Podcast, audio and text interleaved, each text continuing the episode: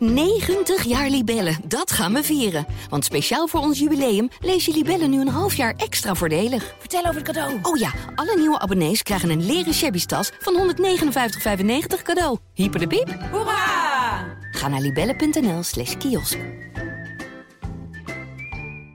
Ik weet het, we zijn een filmpodcast en toch heb ik ergens het gevoel alsof ik nog iets zinnigs moet zeggen over die achterlijke rellen naar aanleiding van de avondklok. Dat is misschien makkelijk praten voor ons fanatieke filmfreaks. Zo'n avondklok, ja, je zet gewoon even een filmpje extra aan. Ja, en volgens mij zijn er genoeg filmtips die wij de relschoppers kunnen geven in deze podcast. Um, films met een rauw randje, die voor wat uh, relativering ook kunnen zorgen misschien. We gaan in deze show iets doen met zwarte humor. Ja, kunnen we de humor van deze situatie nog inzien? Nou, deze dan. Ome Popo heeft een supersoker. Hello, my name is Anders Thomas Jensen. I am the director of Riders of Justice, and you're listening to Movie Insiders.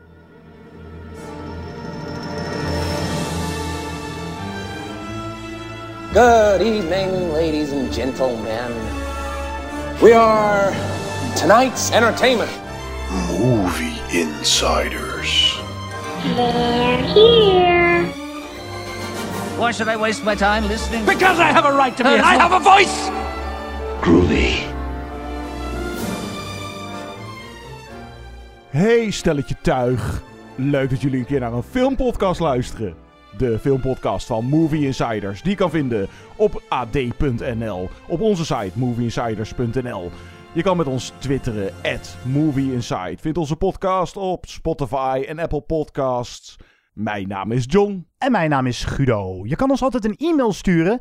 Wellicht lezen we hem voor in een volgende show. Dat kan naar movieinsiderspodcast.gmail.com. Volgens mij hebben we een leuk programma voor jullie deze keer. Eigenlijk zoals altijd. We zijn toch gewoon een leuke, gezellige podcast. Laten we de, de moed er een beetje inhouden. Zwarte humor. Dat staat centraal onder meer in de top 5 zwarte comedies. En dat doen we naar aanleiding van de openingsfilm van het Internationaal Filmfestival Rotterdam. Zo moet je het volgens mij officieel uitspreken. Het IFFR.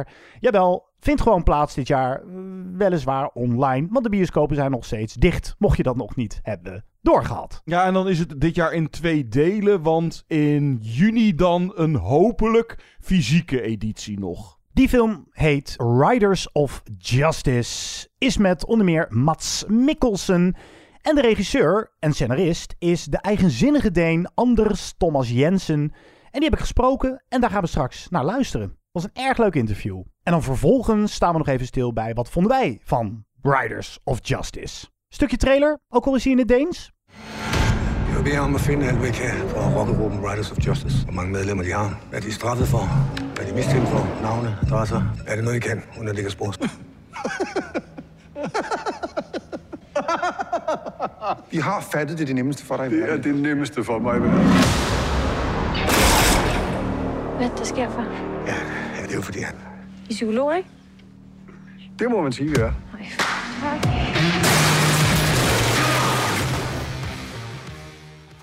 De openingsfilm dus van het IFFR is het Deense Rechtvaardighedensritteren Riders of Justice van Oscar-winnaar Anders Thomas Jensen. Oscar-winnaar? Eh, ja, er worden ook beeldjes aan korte films uitgereikt. Hij won die in 1999 voor zijn short Election Night. Naast tientallen scripts die hij schreef voor onder meer films van Suzanne Bier, maakte hij de zwarte comedies Flickering Lights, The Green Butchers, cultfavoriet Adam's Apples en het absurdistische Man and Chicken uit 2015, die wij ook besproken hebben. In al zijn films spelen acteurs Nicolai Lee Kaas en Mats Mikkelsen, mogelijk Denemarkens beste exportproduct sinds Lego. Hij was de bad guy Le Chiffre in Bondfilm Casino Royale.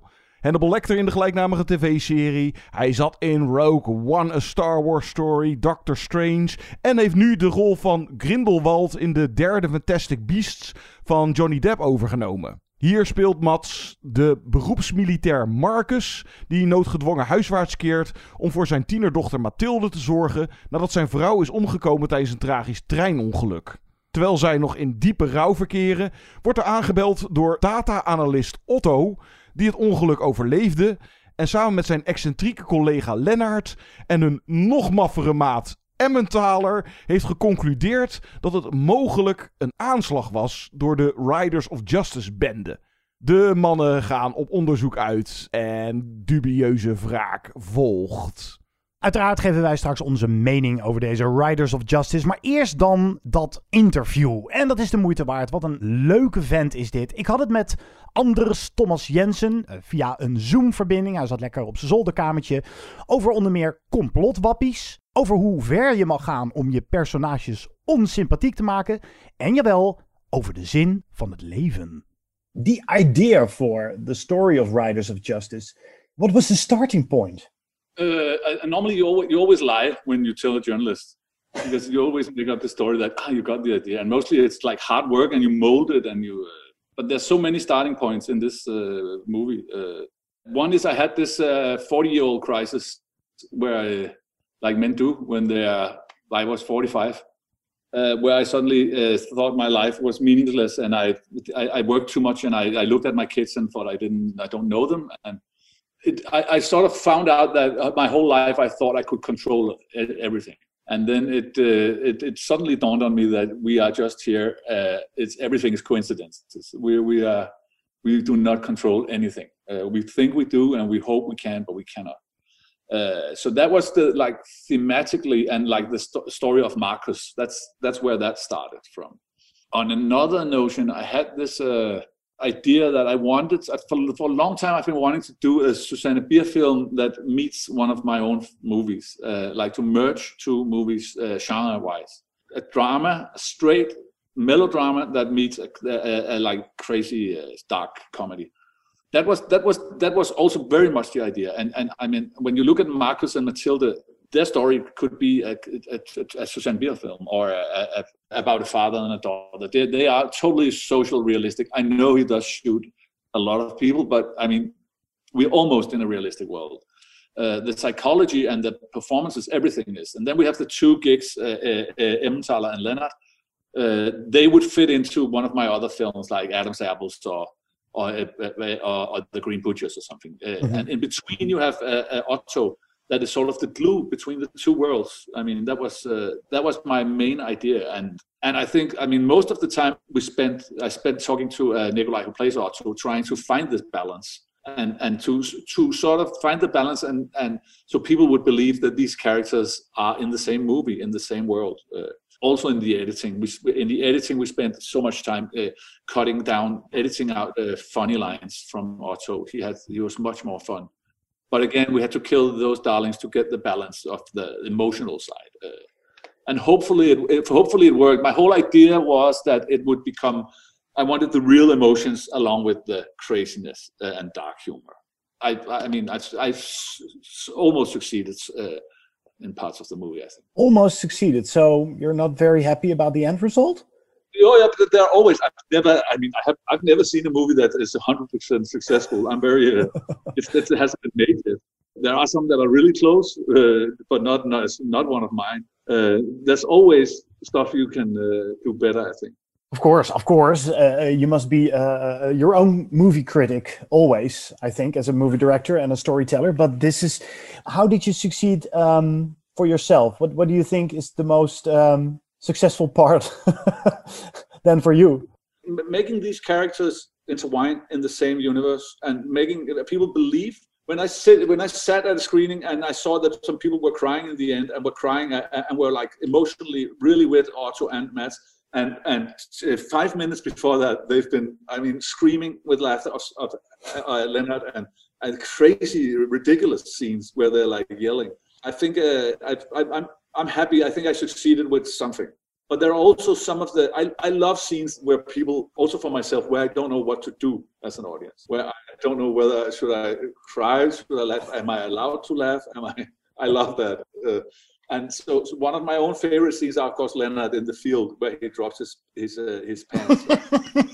yes. That's that is one of my favorites. It is one of the highlights. This, so this is a very serious drama, but with a lot of absurd comedy is there something like uh, because these uh, this mixture was also visible in your other movies but is there something like typical danish humor or is this typical anders thomas jensen humor I, don't, I don't think it's Danish uh, because I. But you think that, and then you go around, you go to a festival in Egypt, or I mean, and then people laugh just as much. You know, uh, humor Hmm. is somehow humor is also universal. Uh, I don't know what it is, uh, but it's it's uh, it's it's my humor in that sense that uh, that I, I I love to make the ground unstable. I love to make uh, uh, people not know what they're what's going to come, and I love to to twist things so people uh, are saying, "I did." He didn't just say that. Did he say? Did he, he say that? really he say do that? Yeah. Yeah. But the, but I- is the movie uh, does the movie say something about Denmark? I don't think so. I mean, of course it does because it takes place in Denmark, but it's more. It it says much more something about uh, how uh, how lost we are as humans. Uh, I mean, in in how, how, how much we are uh, slaves of uh, the coincidence and how little we are in control. Uh, how uh, how meaningless life is. How Uh, meaningless. Oh, but that is the whole point of the film. Is also that there is no meaning with nothing in it. I mean, every there's no uh, even the plot doesn't have. there's no meaning in the plot, right? Until the very end, where the meaning is the most banal, which is also the only meaning I believe there is, is that you you have to just stick around with the people you love and you know take care of, of yourself and the ones you uh, uh, uh, uh, you love. Spend time with them. That is, I mean, it's very banal, but that is the meaning of life. I mean, it's, uh, for me, if you want, if every time you personally, every time you try to look for more, I think you become disappointed. Uh, you become disappointed. The, the movie, which I thought was very interesting, the movie deals with people that see conspiracy theories everywhere, or, or they don't believe in coincidence. Why this uh, theme? Because it reminds me also, perhaps that's a coincidence, it reminds me of people uh, having conspiracy theories now about coronavirus and the government lying uh, to us. Yeah. I mean, it's funny because all you, uh, every journalist from Holland I talked to has seen this uh, in the movie. Not one anywhere else has seen uh, the, the this theme. Hmm. But of course, the theme is there. It's a it's a it's a huge theme because it's part of the it's part of the meaningless theme. It's part of people who seek uh, conspiracy theories. They're like, I'm sorry, for mostly they're losers who are looking to, looking for uh, somebody to come and save them, right? So it can only it's it's never you never hear a billionaire who saw a UFO. It's always some poor guy in a farm uh, that uh, that hit his head and then he sees a UFO, and that is because you want to. I'm very being very hard here, but it's it is true. I mean, it's it's never people who are, have a life and are successful. They don't have time to see UFOs. UFOs are seen by people who are hoping somebody will come and save them. There must us. be a UFO. I will see a UFO one day. That's it. So so that's that theme is that theme is uh, I mean that, that theme plays very much into the, the whole the meaning of the meaning of life. I mean the what what is what is the purpose of life? And we have Marcus is a character who loses his purpose of life. He's a soldier. He trained for this. He's been hiding with his uh, PTSD, and then suddenly his wife dies. He's forced to go home and and sort of find a meaning with life. And we we know. I mean, we've tried that. A lot of people have tried that in their life uh, to sort of lose the the compass. What, what is important? What where what is the purpose of all this shit? And then you have options. You have conspiracy theories. You have uh, alcohol. You have pills. You have religion, or you have love and family and friends. The close relations. That is what the film tells you. Uh, go for the love and the family and the close relations. Please go for the love and the family, not the UFOs. go for the conspiracy theories or uh, the revenge or the other uh, stuff. And that's a very uh, that's a very banal story, but it's also a very for me satisfying and true story. Um, also interesting that uh, that you have these tragic figures. Let's call them tragic figures. uh, You know what I mean? uh, who they are. They are. they are uh, tragic figures, uh, but they also commit a bit of violence. Should we feel? Do you feel sympathy for these characters? Yes, I, I, I mean I do, uh, and I it's it's one of the, it's one of the things I really love about being a screenwriter and and also to do drama is, I mean it's so easy if you uh, if you in scene one just throw your main character in a wheelchair. Uh, everybody is like you will instantly love this person. If if you in scene one let your character beat the crap out of a, a, a small person, you give yourself a how do you say you, you sort of set up a a barrier for yourself. You sort of say, okay, now we have to really work hard and do a, a really good script for the audience to get to like this character. And sometimes, sometimes I think a lot of films they a lot of films take the easy ways because we are we are taught in film schools and by critics and everything that you have to be likable, you have to like your your characters. But it's I really like I love to do characters where you in the first act they do so many unsympathetic things and that you think eh, we're never we're never gonna love them. And then at the end you are still loving them and crying with them. And every time we have i mean i remember i don't know if you saw flickering lights. In the script there is like they open the first scene is that they open a door and this guy uh, shows them the cigarettes they bought is the wrong cigarettes and matt Mikkelsen, his character beats the shit out of this guy. I mean like so violently so you're like oh disgusted with him. Uh, and then matt had read it and thought it was like a, a six foot uh, five tall guy and when it came to set it was like a little sweet sweet guy and he was Yep. like no no no, we can't do this because nobody will ever like my character. I thought it would be very, and we discussed it so much, and we did it, and you still love him. You still love him because as long as you, if you, if it's psychological motivated, then you can let your characters do whatever, except for perhaps molesting children and killing children. There's hardly anything you can't do if you understand why the character is doing it. Uh, and that that was my point. Sorry, I was very. It took a very long time to me. No, no, no, no problem. Because I think it's a very interesting theme. Because I just rewatched A Clockwork Orange. Uh, it's its 50th uh, anniversary, and it's it, it's one of the most difficult movies to answer that question. Do you need to feel sympathy, or why do we feel sympathy for this Alex character? I mean, almost every TV show now is about a serial killer or Breaking Bad, or I mean, it's so there's so violent kill. It's, it's really really nasty. But then you, you you're playing into something else because you're people are drawn towards that. Like you're drawn to stories about serial killers.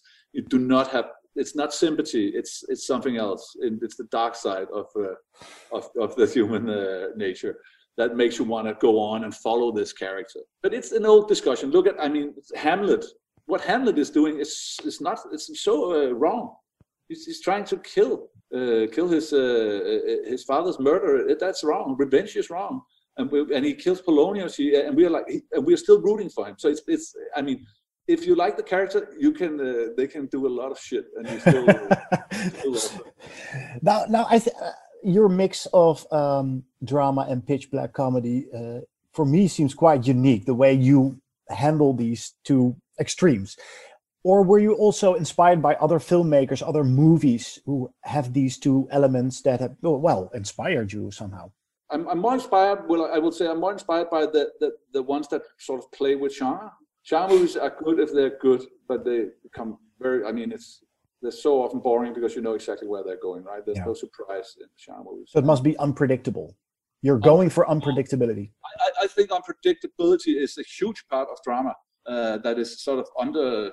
They don't teach that enough in film schools. People, you, you have to make up plots where people do not know what is coming. Characters have to say and do stuff that you do not expect. But on the other hand, you can see that there's also a vast majority of the audience. They would they just love to know that they are having oh it's a comedy genre, so they know what they're getting, and then they just get what they uh, what they want. Uh, I actually went through all Steven Spielberg's films because I really enjoyed Steven Spielberg. And one, there was like a guy who said to me, "But have you ever in a Spielberg film gotten anything you didn't expect?" And I went and I went and I went all the way up to now, and I thought, no, but it's but it's still it's done so good and it's so nicely made, and uh, it's so so I still want it.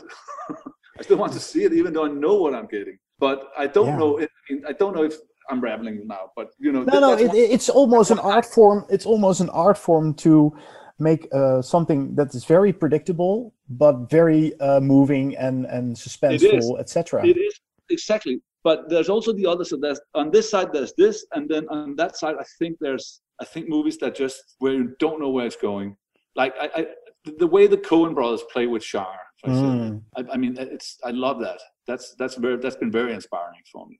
It also depends on where you are in your life at what time because there's like. Uh, Men in Chicken, for instance, is such a crazy story. Uh, I mean, that's, that's way out there uh, uh, compared to. I mean, this uh, Riders of Justice is a normal, a totally normal film compared to uh, compared to Men and Chicken. So I don't think, and with Men and Chicken, I had like the urge. I wanted to do something really edgy, and then I think when you've done that and sort of found the tested the barrier of uh, what uh, uh, what normal thinking people can relate to character wise, then you want to do something more. I did anyway. I wanted to do something more where okay, let's do something that's more uh, relatable for. Uh, So so now it's time for something uh, edgy uh, again. it could be. Could I'm be. actually sitting right now with uh, I'm sitting right now with uh, Nic- Nikolai Assel and uh, talking about where to go next. And there's two ideas right now, and one is really really edgy, and the other one is quite uh, mainstream. So it's but it's going to be fun to see. I'm so uh, I'm excited myself to see where where it goes.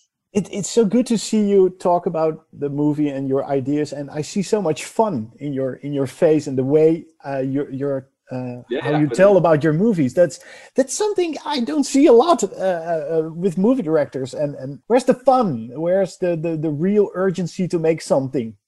but you know what? It's uh, it's uh, it, it, it all comes back to this. Uh, I, I- you know, I went to Los Angeles. I was there for four years and did a film over there called Dark Tower. And Yeah. and, and, I, and I, after that, I went home because it, it didn't turn out well, and I was got stressed and everything was. And I sort of made this rule for me that I will again. from now on because I'm I'm I'm like I was like 45, so I was like from now on I will only do films that I really want to do like really really want to do and i will only work with people that i really really like that uh, or people that are really funny and that sort of changed my uh, because i used to i mean if you had done an interview with me four years ago i would have been sitting like this talking like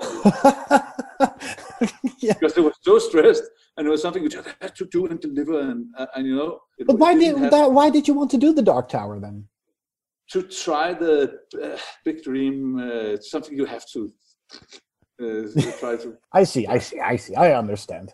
But No, but it's, uh, it's I don't regret it. It was also good to uh, sort of uh, get all your worst, all, all the worst thoughts you had about Hollywood. Yeah. they came true. So it's it's good. Now you've done it, and now I'm here in Denmark doing films with great actors and great crews and easy financing. So Last question. You started with uh, uh, the starting point of this movie and uh, looking at your children and thinking, I'm not uh, there enough for them. And, and how, so how's that situation right now? well, right now, I'm the opposite because this, I mean, fucking Corona has Yeah. make them home. So, so they've been here for a month. You have And to I'm play with these kids. So you see, what you you have to be careful what you wish for. No, so no, I love my kids, but uh, I want them back in school soon. Mm, yeah. Uh, they've been, uh, we really know each other now. We Yeah. really do. Thank you so much uh, once again. And uh, you. It was a pleasure. hope to speak to you again. Guido, dat lijkt me nou echt zo'n vent waar wij een heel leuk avondje mee kunnen doorzakken. Ja, dat lijkt mij ook, zeker. Anders Thomas Jensen dus. Zijn film Riders of Justice. Eh, wat vinden wij ervan? Laten we beginnen met deze vraag. Moet je van zwarte humor houden of er tegen kunnen om Riders of Justice te kunnen waarderen? Nou, misschien is dit wel een mooie instapfilm. Als je niet zo bekend bent met het genre van de zwarte comedy. Dat gaan we later wat uitgebreider definiëren in onze top 5 zwarte comedies. Maar dit is een aardige instapfilm. Misschien ook omdat het in de basis wel degelijk ook gewoon een mooi drama is. Met personages die een beetje quirky zijn misschien, maar waar je ook wel van gaat houden. Dat vond ik zo aardig van Anders Thomas Jensen in het interview. Dat vroeg ik hem ook van, in hoeverre moet je deze mensen sympathiek vinden? Nou ja, daar moet je uiteindelijk eh, zelf een mening over vormen. Maar hij zegt, in principe moet je ze alles kunnen laten doen, zolang je het maar motiveert. En het tragische, en dus ook het komische, maar ook in de basis het tragische, is dat je die Marcus ergens wel begrijpt. Wij als kijker hebben al lang door dat deze, laten we ze even de complotwappies noemen, eh, dat trio, eh, Emmett Thaler, Otto en Lennart, zeg ik het goed? Ja. Ja. Die, die bazelen maar wat. Eh, het, is, eh, het slaat als een tang op een varken. Maar zo'n Marcus eh, zit in diepe rouw, is een militair. Dus is van de harde hand en no bullshit. En als je me iets flikt, dan eh, ga ik jou een kopje kleiner maken. Ja, bijna een soort machine of zo. Ja, Het, eh, zeker. En dat zie je ook in de relatie die hij heeft met zijn dochter. Zijn dochter is eh, nou, jong en zoekende. En misschien bestaat God nog wel. En dan maakt hij steeds korte metten mee. Die hebben een moeizame relatie. Daar komen we zo nog wel op terug. Maar je kan begrijpen dat zo'n Marcus op dat moment daarvoor valt. En dat hij heel makkelijk is over te halen om nou, zich achter zo'n complottheorie te scharen. En makkelijk de stoppen doorslaan, ja. Exact, en dat gebeurt dus. En als je alle zwarte humor wegschraapt, hou je een heel mooi drama over. En het knappe, vind ik, het meest knappe aan deze film, is dat je daadwerkelijk aan het einde van de film ook wel een beetje een brokje in je keel krijgt. Dus je hebt echt een reis met deze personages doorgemaakt. Maar het is ook achterlijk. En misschien is dit een, een prachtige instapfilm voor zwarte comedy. Dat je achteraf blijft nadenken. Of het blijft maar knagen. Wat, wat vind ik hier nou van? Vind ik ze dubieus? Uh, vind ik het eigenlijk wel mooi? Die band die ook ontstaat tussen al deze figuren. Dus ja, moet je er tegen kunnen? Nou ja, ga maar kijken. En oordeel natuurlijk zelf. Maar ik kan me voorstellen dat dit voor heel veel mensen op verschillende vlakken kan werken of zo. Ja, dat denk ik ook. Dan wil ik wel zeggen dat als dit soort humor echt niet je ding is, dan is het denk ik bij zeker deze film moeilijk om de sympathie of de empathie voor deze personages, wat je bij deze Riders of Justice dus voor het eerst of makkelijker kan bewerkstelligen dan bij eerder werk van Anders Thomas Jensen. En bijvoorbeeld de acties die zij doen kan je makkelijker accepteren. En de drama en de tragicomische wat meer omarmen. Maar als zwarte humor echt niet in jouw straatje ligt, kan ik me voorstellen dat je dan daar zo'n afkeer van hebt en dat je daarom ook niet mee kan gaan in het drama. Dus voor ons, die wel van dit soort humor houden, is dat makkelijker. En is het zeker bij deze interessant dat die wat meer de dramatische kant ook opgaat. Eigenlijk is dit zijn meest humane film tot nu toe. Want bij deze personages, zeker ten opzichte van zijn eerdere films, hier heb je echt wel met ze te doen omdat ze, nou ja, niet alleen uh, Marcus en zijn dochter Mathilde, maar bijvoorbeeld zo'n Otto en die Lennart, uh, die hebben ook hun trauma's. Die lopen ook wel met iets rond. Uh, het zijn niet alleen maar complotgekkies. Nee, al blijf je toch ook altijd je bewust, althans ik, van het gevaar van dat drietal complottheorie-denkers. Want zij leven zo in hun eigen wereld. Het zijn ook allemaal mensen die een beetje zo koorddansen op de rand van de samenleving. Geïsoleerd. Um, uh, makkelijke prooien ook voor complottheorieën. Ze, hebben allemaal uh, geen vriendinnetjes. Ze, vallen misschien steeds een beetje buiten de boot. En dat je daarin dus kan doorslaan. En wat een geweldsexplosie dat teweeg zou kunnen brengen in zo'n snelkookpan situatie als uh, hier in Riders of Justice wordt voorgesteld. Dus je gaat ergens wel van ze houden. En ze hebben ook echt wel het beste met elkaar voor. Maar je blijft je altijd bewust van, um, nou, wat ik al zeg, het gevaar. Dat dit ook uit de hand zou kunnen lopen. Maar dat is gekmakend uh, ambigu of dubbelzinnig. Want wat ik er heel mooi aan vond, een van de mooiere vondsten, is die Mathilde, de dochter van beroepsmilitair Marcus, die rouwt ook om de dood van haar moeder. En wil het liefst een psycholoog. En dat vindt haar vader allemaal maar onzin. En op een gegeven moment vraagt ze aan haar vader: Papa, wat doen die gekke figuren? Waar, waar, wat, wat zijn jullie allemaal aan bekokstoven daar in de schuur? De schuur, de plek waar ze allemaal hun, uh, nou, hun, hun acties gaan uh, bedenken. Wat, wat moeten we nu doen? Vraagt die Mathilde, papa zijn, is, is, is dit dan een psycholoog of zo? En dan zegt een van die complot, volgens mij is dat Lennart, uh, die zegt, ja, ja, ik, ik ben een psycholoog en uh, ik ben hier om je te helpen. En Marcus denkt, wat gaan we nou krijgen? Alsjeblieft niet, zeg. Ja, en ze komen er nog mee weg ook. En ze komen er nog mee weg ook, met als gevolg dat de sfeer in huis er een stuk beter op wordt dan die misschien heel lang geweest is. Dat is zoiets bizars, weet je. Die Mathilde, die leeft er echt van op. Dus je hebt een, echt best wel een tragische situatie. Er vallen doden. Maar er zijn ook weer mensen die er een beter leven op nahouden.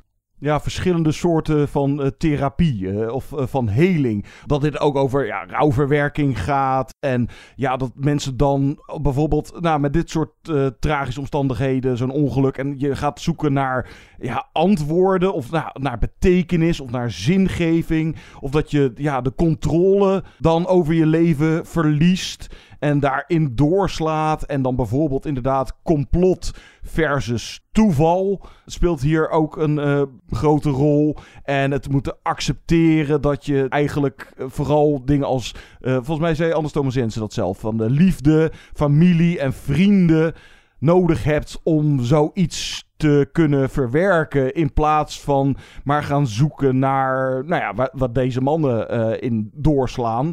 Opmerkelijk dus ook aan deze film, als je kijkt naar het oeuvre van Jensen. Nou ja, eigenlijk nooit, eh, nou ja, een enkele uitzondering daar gelaten. Nou, en deze dan, zeg maar. Maar hij heeft nooit echt normale mensen in zijn films rondlopen. Er is bijna altijd wel iets mis mee of iets kapot aan. Want ze hebben of een handicap, eh, en dat zie je dan terug in of een maf uiterlijk of zo. Of ze zijn psychisch eh, een beetje de weg kwijt. Nou zou je kunnen zeggen dat die Marcus in de basis voor, voor Jensens doen, zeg maar, wel en eh, Mathilde zijn redelijk normale personen.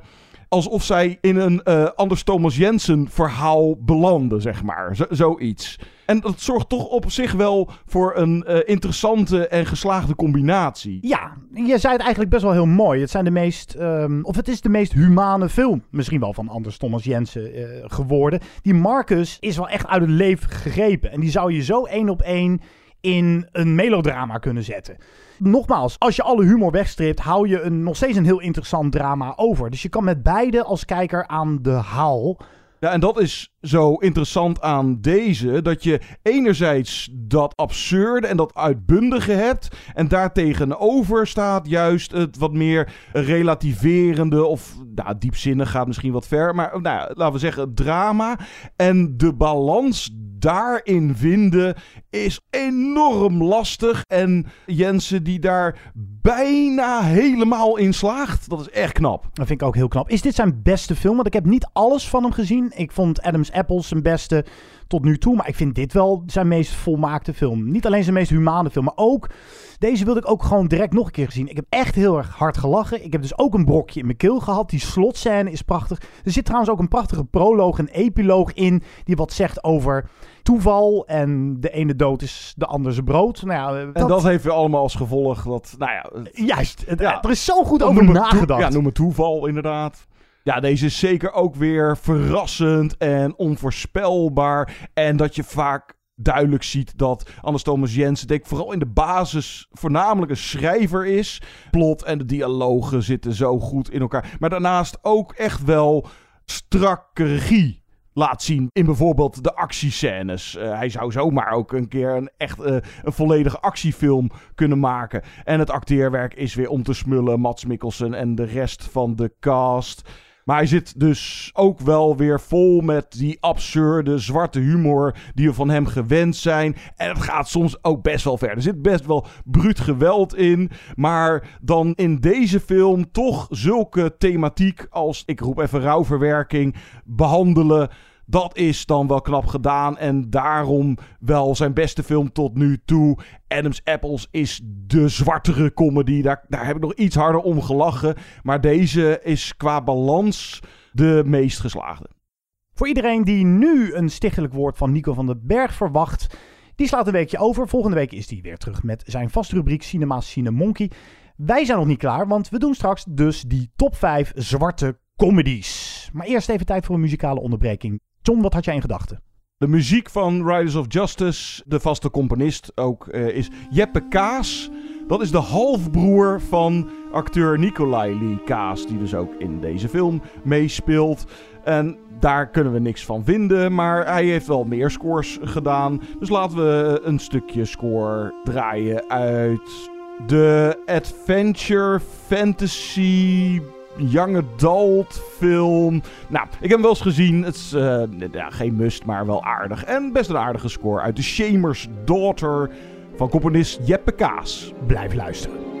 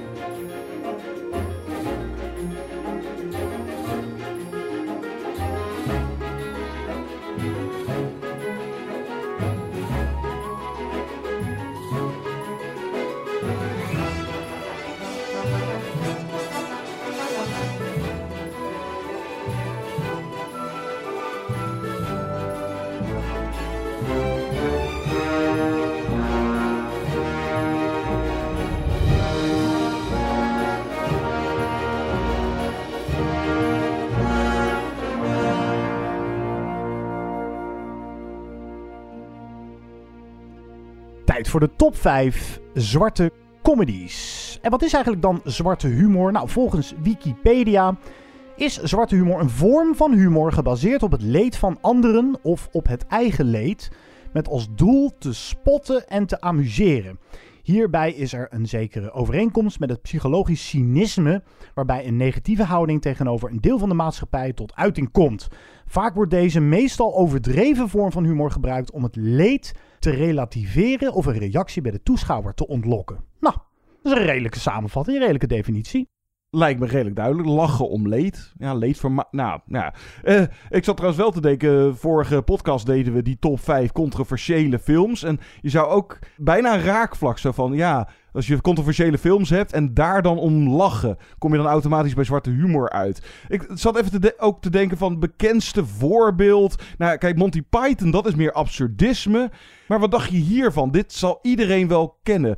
Even tv-series dan. South Park en Family Guy. Dat is toch wel zwarte humor? Zeker. En ik heb ook nog wel getwijfeld over de South Park film om die mee te nemen in mijn lijst. Heb ik uiteindelijk niet gedaan, maar ja. Zat ik ook nog mee te spelen. Eén ding waar ik heel erg op uitkwam, is, maar dat onderscheid moet je even maken. Tragicomedy.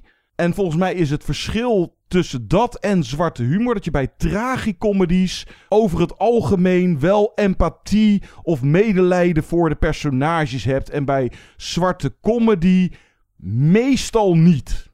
Ja, en tragicomedies gaan ook meer voor het kweken van sympathie Ja, dan en ja, daar, daar wil je nog eens een traantje bij laten. En dat zal je bij een, nou, wat ik hier in mijn lijst heb staan, eh, heb ik dat niet. Nee, ik ook niet. Ik ben heel benieuwd waar jij mee komt. We weten nooit van elkaar wat we in de lijst hebben staan. Dus misschien zijn er wel overeenkomsten.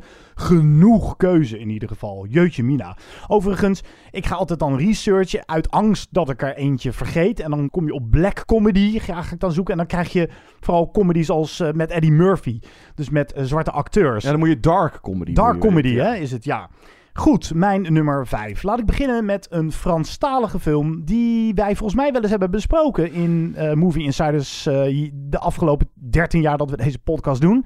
Weet je dan over welke ik het heb? Ja, volgens mij ook mijn nummer 5. Oh, wauw. C'est arrivé près de chez vous. Hartstikke idee, we hebben gelijk en gelijke. Ik denk eh, nou, half origineel te zijn. Het- want is dit misschien de beste test om te kijken of je tegen zwarte humor kan? Nou, ik noemde Riders of Justice dan een instapfilm. Ik weet niet of dit dan een geweldige instapfilm want nee, hij is niet als instapfilm, maar echt om te testen eh, je van, daar ja, tegen of, kan. je, of je tegen zwarte humor kan. Als je hierom kan lachen, dan hou je van zwarte humor. Ja, dat is wel waar. Want deze gaat ook best wel ver en is best wel akelig ook. Het heet in het Engels, staat hij eh, bekend als Man Bites Dog. Hij komt uit Man bij 19... het hond. Ja, Man bij het hond. Komt uit 1992. Ja, de, de regisseurs en scenaristen zijn ook de acteurs. En nou ja, het is een Waals clubje vrienden die dit in elkaar hebben geflanst. Maar daarmee lieten ze ook eh, echt, eh, gaven ze blijk van een enorm gevoel voor cinema. Dus het is ook nog eens een, een knap geschoten, mooie zwart-wit groezelige film over een moordenaar, Ben. En hij wordt gespeeld door Benoit Poelvoorde. En die geniet van het moorden en het eh, verkrachten, et cetera. En hij geeft een filmploeg een soort van inkijkje in wat hij in het dagelijks leven doet. En die gaan met hem mee. Ja, ze gaan gewoon eh, een, een oudje beroven en dan lachen ze erom. En in het begin zijn ze nog een beetje gechoqueerd, die mensen van de filmploeg. En dan komt natuurlijk steeds meer de vraag om de hoek kijken. A, is het ethisch verantwoord wat we aan het doen zijn? Moeten we eh, dit wel doen? Moeten we die man niet tegen zichzelf in bescherming nemen en aankloppen bij de politie? Maar ze worden ook echt ja, bijna onderdeel. Die grenzen die vervagen. Zij, Ja, ze gaan meedoen. ze gaan eigenlijk min of meer eh, meedoen. En wat ik dan aardig vind aan deze film, dus Set arrivé près de chez vous. Dat is dat zij ook hopen de kijker op lachen te betrappen. Want ja, zie de film als een soort van valstrik. De filmploeg wordt medeplichtig, maar wij... Ja, als kijker misschien, ja. Ja, als kijker ook. In hoeverre vind je het stiekem toch ook wel lekker om dit te zien? En dat is dus het gevaar van geweld. De aantrekkingskracht van geweld. En in hoeverre wij misschien heel snel in staat zijn om daarin mee te gaan. En dat maakt het dus ook een hele enge film. Waar ik zeker ook wel om gelachen heb, maar het is... Ja, het lachen verstomt je soms. Zeker, Eh, Had je de zeker. term eh, mockumentary al genoemd? Nee, het, het, het is dus een goede. Ja, soort van. Ja, mockumentary is dus een nep-documentaire. Even voor alle duidelijkheid. Ja. En ja, even een paar dingen noemen. Hoe hij omschrijft eh, hoe je een lijk moet verzwaren om het te laten zinken. En voor kinderen heb je dan maar zoveel gewicht nodig. En waar ik altijd het hardst om gelachen heb, is als ze dan een andere crew tegenkomen. Een andere moordenaar die ook een filmploeg bij zich heeft. En iets met een dwarsfluit. Zet arrivé près de chez vous. Mijn nummer 4. Daarvoor gaan we naar de Coen Brothers. Die een heel indrukwekkend oeuvre hebben. Waaronder eh, Fargo, eh, Oscar-winnaar No Country for Old Men. Maar ik ga voor een van hun meer onderschatte films uit 2009. A Serious Man. En dat is een, wat moeilijkere film. Eh, het is, meestal zijn hun films ook vaak spannend en hebben een beetje een thrillerplot. Of ze eh, gaan voor zwarte comedy als Burn After Reading. Echt zo'n film die ik trouwens nog eens een keer moet zien. Daar heb ik altijd wat meer moeite mee gehad. Maar A Serious Man gaat over een Joodse professor, gespeeld door Michael Stuhlbarg. En die eh, heeft zoveel pech in het leven dat hij aan alles begint te twijfelen. Ook over de zin van het leven. Het is eh, zijn vrouw die gaat vreemd. En degene met wie zij vreemd gaat, die weet ook zo op hem in te spreken. Van joh, dit, dit soort dingen gebeuren nu eenmaal. En ik ben nu eenmaal aantrekkelijker, ook seksueel gezien. En hij zegt steeds maar: I'm trying to be a serious man. Ik wil zo graag het goed doen in het leven. En het, het serieus aanpakken. En wat de Coen Brothers met deze film willen, is natuurlijk ook gewoon laten zien dat. Nou ja, wat anders Thomas Jensen misschien ook wel zegt in het interview. De zin van het leven. Je moet je eigenlijk overgeven aan dat alles toeval en willekeur is. Accept the mystery is volgens mij een zin in Serious Man. Accepteer nou gewoon dat niet alles te verklaren is. Dat het allemaal maar toeval is. En dat de zin van het leven misschien iets heel kleins is. Namelijk gewoon van, van, van hele lullige dingen kunnen genieten. Of ja, dat is het. A Serious Man is eigenlijk de Coen Brothers die laten zien dat de zin van het leven geen reet voorstelt. En het is zowel tragisch als troostend op de een of andere gekke manier. Het is een heerlijke film, A Serious Man. Ja, en Huisje, Boompje, Beestje wordt ook wel lekker op de hak genomen. Please, I need help. I, I've, I've already talked to the other rabbis. Please. It's not about Danny's bar mitzvah. My boy Danny, this coming Shabbos, very joyous event. That's all fine. It's it's more about myself. I've I've had quite a bit of tsuris lately. Marital problems, professional, you name it. This is not a frivolous request. This is a ser. I'm a ser. I'm uh. I've tried to be a serious man, you know? Tried to do right, be a member of the community, raise the. Danny, Sarah, they both go to school, Hebrew school, a good breakfast. Well, Danny goes to Hebrew school. Sarah doesn't have time. She mostly washes her hair. Apparently, there are several steps involved, but you don't have to tell Marshak that. Just tell him I need help. Please? I need help. Dan mijn nummer 4. Ja, als je zet arrivé près de chez vous, ga ik nu even naar, laat ik zeggen, het andere uiterste. Dit zou je als mild kunnen bestempelen. Het is echt een oudje. To be or not to be van Ernst Lubitsch. Oeh, heb ik ook nog over getwijfeld. Ja, en dit is niet alleen maar een zwarte comedy. Het is ook echt een satire en een screwball comedy. En zelfs af en toe ook een eh, klucht. Het gaat over een theatergroep in Polen tijdens de Tweede Wereldoorlog. En ja, die eh, komen in contact met het verzet. En ze moeten op zoek naar een spion. En nou, met de nazi's en alles. En deze film is uit 1942. Dus gemaakt tijdens eh, WO2. Zou je zeker kunnen bestempelen als gewaagd. Zeker ook de humor die er dan in zi- zit. Want nou ja, wat jij eerder omschreef, die Wikipedia-beschrijving van zwarte humor. Ja, leed relativeren. En dat gebeurt heel goed in deze. Want ja, het zijn natuurlijk gruwelijke omstandigheden. WO2, eh, de nazi's, eh, een deel van die theatergroep is Joods. En er worden ook grappen gemaakt over concentratiekampen. Wel in acht nemen dat in 1942 er nog niet duidelijk was wat er allemaal gebeurde in die concentratiekampen. Maar het balanceert af en toe een beetje op het randje. Als je voor echt wat meer grovere zwarte humor, dat zal je in deze film niet aantreffen. Maar het, het, het schuurt er tegenaan. En als we het dan toch eh, een beetje vergelijkbare film, The Great Dictator van Chaplin even genoemd hebben. Maar dit is echt een klassieker die je een keer gezien moet hebben. To be or not to be. Ja, als je dacht dat Allo Allo gewaagd was, beetje hetzelfde soort humor, zelfde thematiek, zelfde periode waarin het zich afspeelt. Dan eh, moet je dus voor heel wat decennia terug eh, dat je er iets veel gewaagders treft. Het is zo'n geniale film. Heil Hitler. Heil Hitler. Professor Seletsky, I'm glad to see you. And I'm glad to see you, too, Colonel. Sit down, please. Thank you very much. I can't tell you how delighted we are to have you here. And may I say, my dear Colonel, that it's good to breathe the air of the Gestapo again. you know, you're quite famous in London, Colonel. They call you Concentration Camp Earhart. yes, yes. Uh, we do the concentrating and the Poles do the camping. yes, indeed. Mijn nummer drie dan, John, is Vesten uit 1998. Oeh, dat is echt een twijfelgeval. Ik vind dit ook een twijfelgeval. Ik heb er lang over nagedacht. In hoeverre is dit niet gewoon een keihard drama?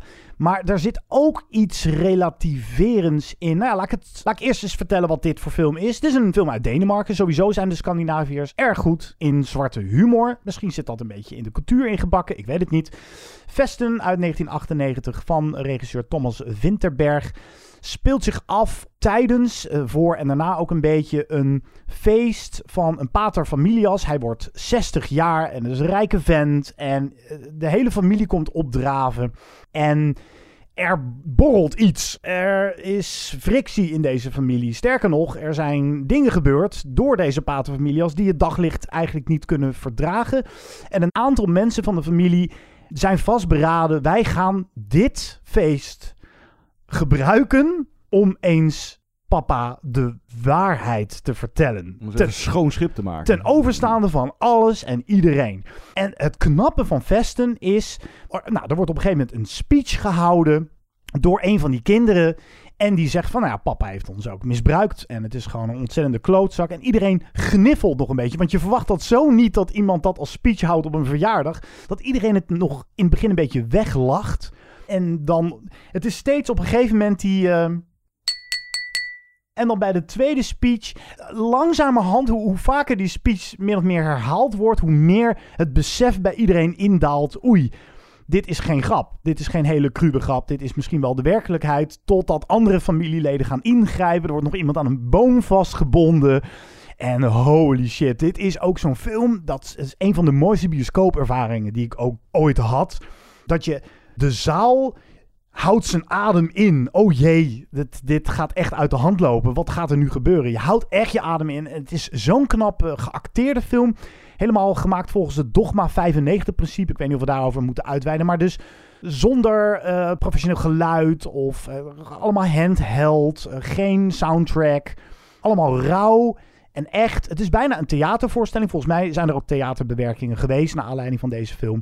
Geniaal. Vesten. En ik moest er dus toch ook wel erg om lachen. Maar Ja, dat kan ik me ook wel herinneren. lachen als dat een ik- boer met kiespijn. Ja, Dat. zoiets. En dat is ook wel een beetje aan de orde bij mijn nummer drie. Nou, voordat ik op die uitkom, maar dat vond ik wel interessant dat bijvoorbeeld bij deze, dan staat er geen comedy bij de genres op, zeg even IMDb of bij Letterboxd. En dat zat ik me echt af te vragen, is dat vaak een teken dat het dan zwarte humor betaamt? Ja, en daarom vinden wij misschien ook zwarte humor leuk, omdat het zo moeilijk in een hokje te plaatsen valt. Wij geven het dan als genre zwarte comedy mee, maar eigenlijk zijn het films die buiten een genre vallen. Het is niet echt een drama, het is ook niet echt een comedy. Het, eh, Ja, of het, ja, het is drama of thriller of, eh, of zoiets met dan ja, humor erin.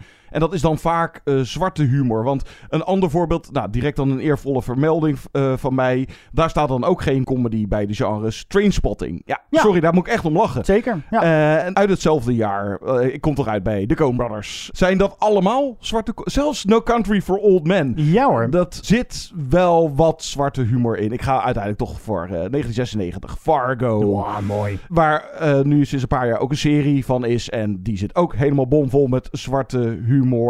Ja, daar vindt ontvoering plaats en moord. Maar je kan ook lachen om de gekke typetjes die in eh, Fargo rondlopen. Eh, het mooiste voorbeeld natuurlijk Marge Gunderson, de politiechef is ze, geloof ik. Die dan de moord onderzoekt. Maar ook William H. Macy als, eh, hoe heet die, Landegaard? Jerry Landegaard. Jerry Landegaard. Ja. dat allemaal. Uh, Frances McDormand, die haar eerste Oscar won voor deze rol. En haar tweede Oscar voor, ja, dat is toch ook een zwarte comedy. Three Billboards Outside Ebbing, Missouri. Maar, Zeker. Nou, de gaafste van de Coen Brothers. Maar ik kan dus, nou, eigenlijk zou je deze top 5 al kunnen vullen met titels van de Coens. Big Lebowski is dan iets meer absurdistisch, maar Barton Fink Zo. of nou, zelfs Inside Llewyn Davis of gaan nog maar even door. Maar zelfs uh, ja, dingen als Blood Simple. Maar oké, okay, hun beste, Fargo. We're not horse trading here, Wade. Yeah. We gotta just bite the bullet on this thing. Yeah. Yeah. Oh, ja? Ja. Oh ja? Ja. Well, ja. Ja. Ja. Oh ja? Oh, ja. I was married. Uh, I, I was married to. You mind if I sit over here? Uh, I was married to Linda Cooksey. No, why don't you sit over there? I prefer that. I've been so lonely. Blood has been shed, Jerry. I got fucking shot! I got fucking shot in the face! I went and got the fucking money. I got shot fucking picking it up. I've been there for 36 fucking hours. Scotty! Hey, let's watch that language there. Mijn nummer 2 is dan La Règle du Jeu. Oeh, daar zat ik heel erg over te twijfelen. Ja, dit is ook weer zo'n twijfel. En dat brengt me gelijk op het punt dat je hebt heel duidelijk afgebakende zwarte comedies. Ook al is dat misschien dan niet een keyword op IMDb, waar we het dan net over hadden. Maar dat heel duidelijk de bedoeling is dat je ook erom moet lachen. En bij sommige films is het maar net afhankelijk van jou als persoon of je het ervaart als een zwarte comedy. Ja, kijk, zo'n To Be or Not To Be, die is echt gemaakt om ook om te lachen. En La Règle du Jeu kan je ook niet om lachen, denk ik. Ja, maar ik moest er wel heel erg om lachen. Ook omdat het de vorm heeft van een klucht, maar ook een hele duidelijke boodschap heeft. Het is een film dus uit 1939 van Jean Renoir. En het is, nou ja, 39, het begin van de Tweede Wereldoorlog. Daar gaan we weer. En het gaat over allerlei mm, hele rijke, veel te rijke aristocratische figuren die samenkomen in een landhuis. En daar vindt van alles plaats. Ze, er, zijn affaires gaande. Er is een jachtpartij buiten. Er is iemand die een theatervoorstelling opvoert. En in die tussentijd ja, breekt de Tweede Wereldoorlog uit. Uh, of uh, is het. Uh, in ieder geval, dat kan je erbij bedenken. De boodschap is heel duidelijk. Deze mensen zijn geïsoleerd, leven ze. En leven ook zo ver van de gewone buitenwereld.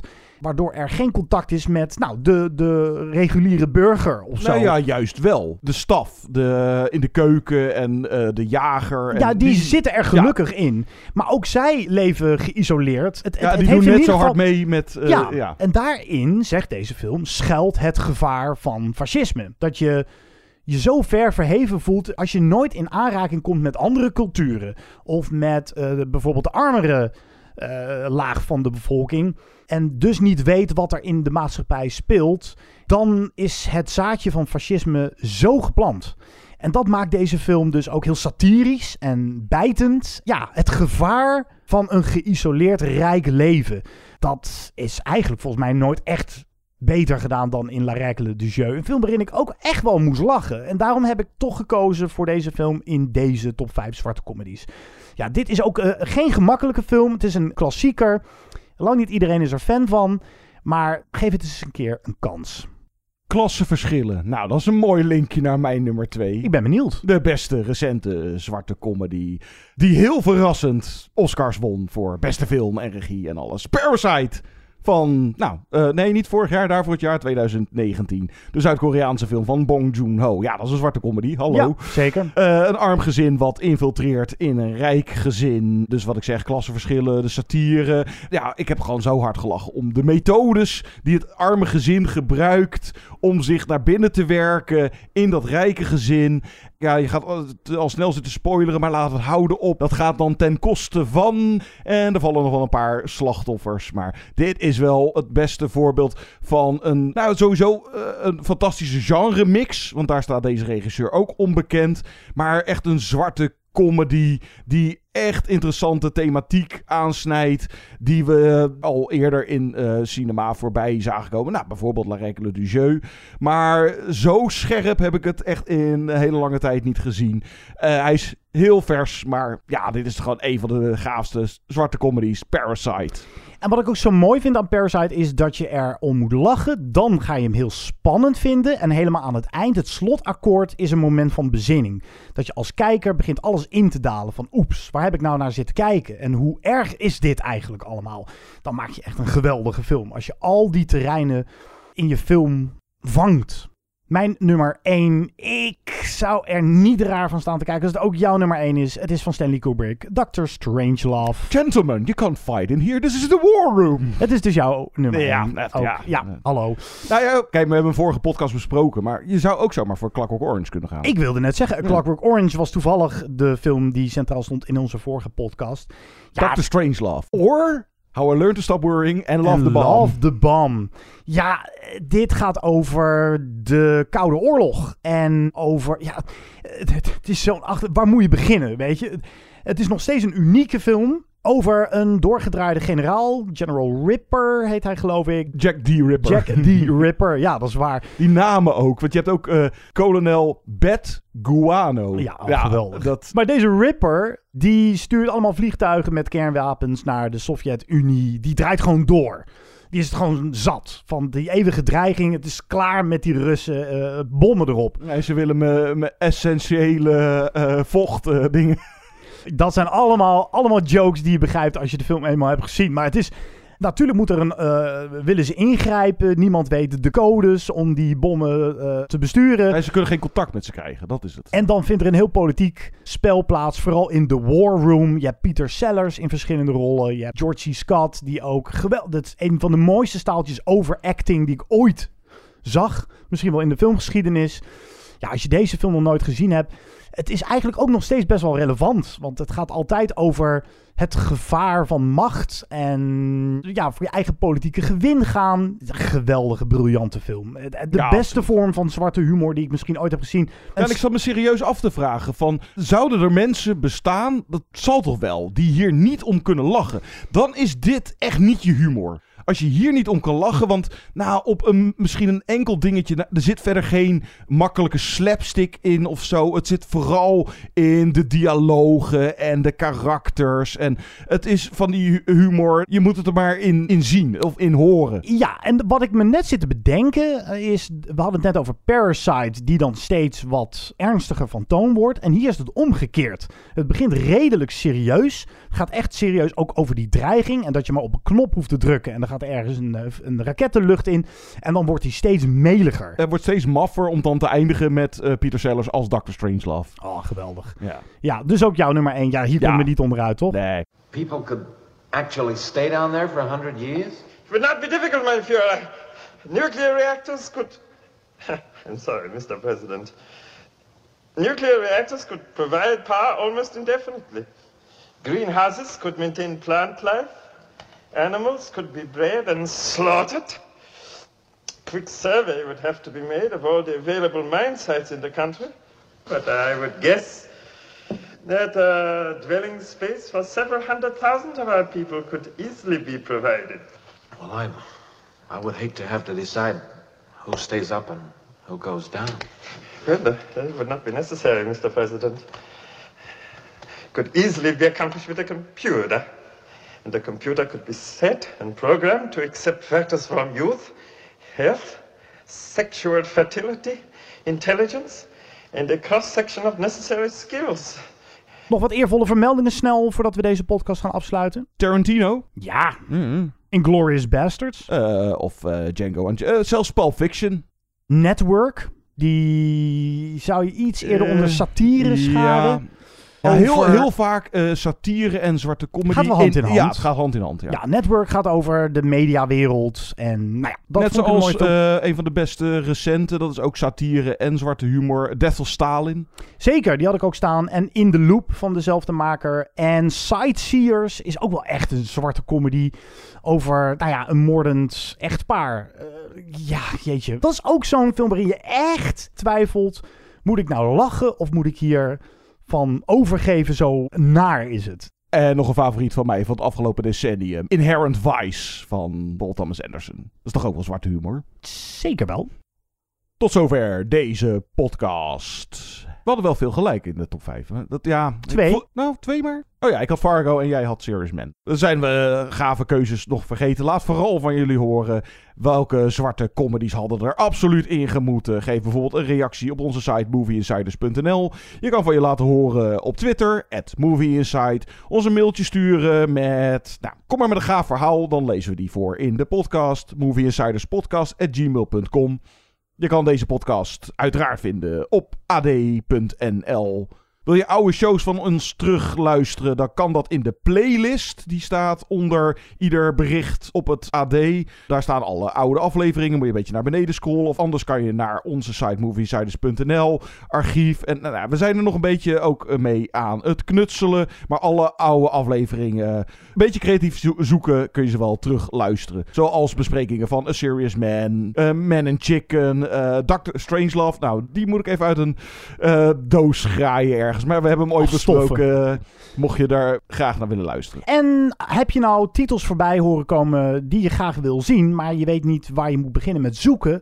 Ik ga het gewoon de komende weken wat vaker roepen, want het is voor heel veel mensen nog een onbekende site. Maar Nico van den Berg, onze eigen Cinemonkey, wees me er ooit op. Briljante tip, justwatch.com. Daarin voer je een filmtitel in en dan geeft hij precies aan op welke VOD-kanalen, welke platforms je de film kan vinden. Zo ging ik even Vesten invoeren, die zojuist in mijn top 5 stond.